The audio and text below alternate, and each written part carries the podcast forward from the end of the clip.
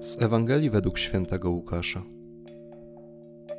Jezus powiedział do swoich uczniów: Syn człowieczy musi wiele wycierpieć.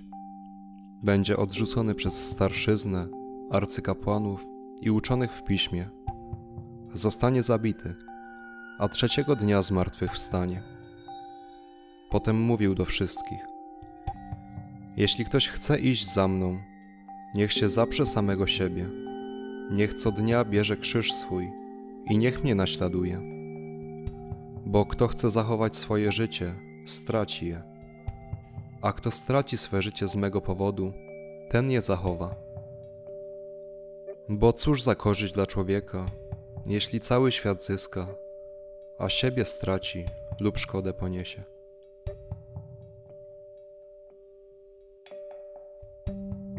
Tak trudno zrozumieć logikę chrześcijańską, która jest logiką krzyża.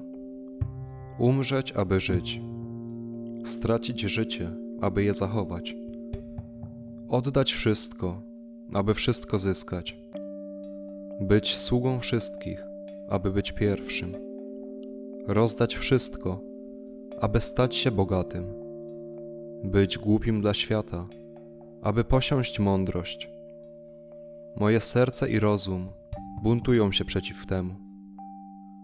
Tak trudno przyjąć, a jeszcze trudniej wprowadzić te słowa w życie, które i tak wydaje mi się takie ciężkie.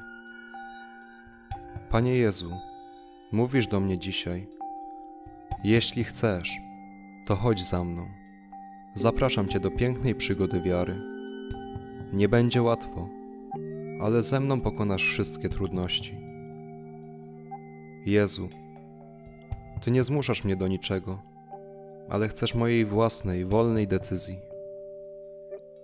Papież Franciszek powiedział, że nasza wierność Panu zależy od naszej gotowości do służby, a to ma posmak krzyża. W tym rozpoczynającym się Wielkim Poście warto pomyśleć, czy otwieram moje serce na to, czego Pan ode mnie oczekuje. Zobaczę na moją codzienność, w której Bóg obdarza mnie małymi krzyżykami.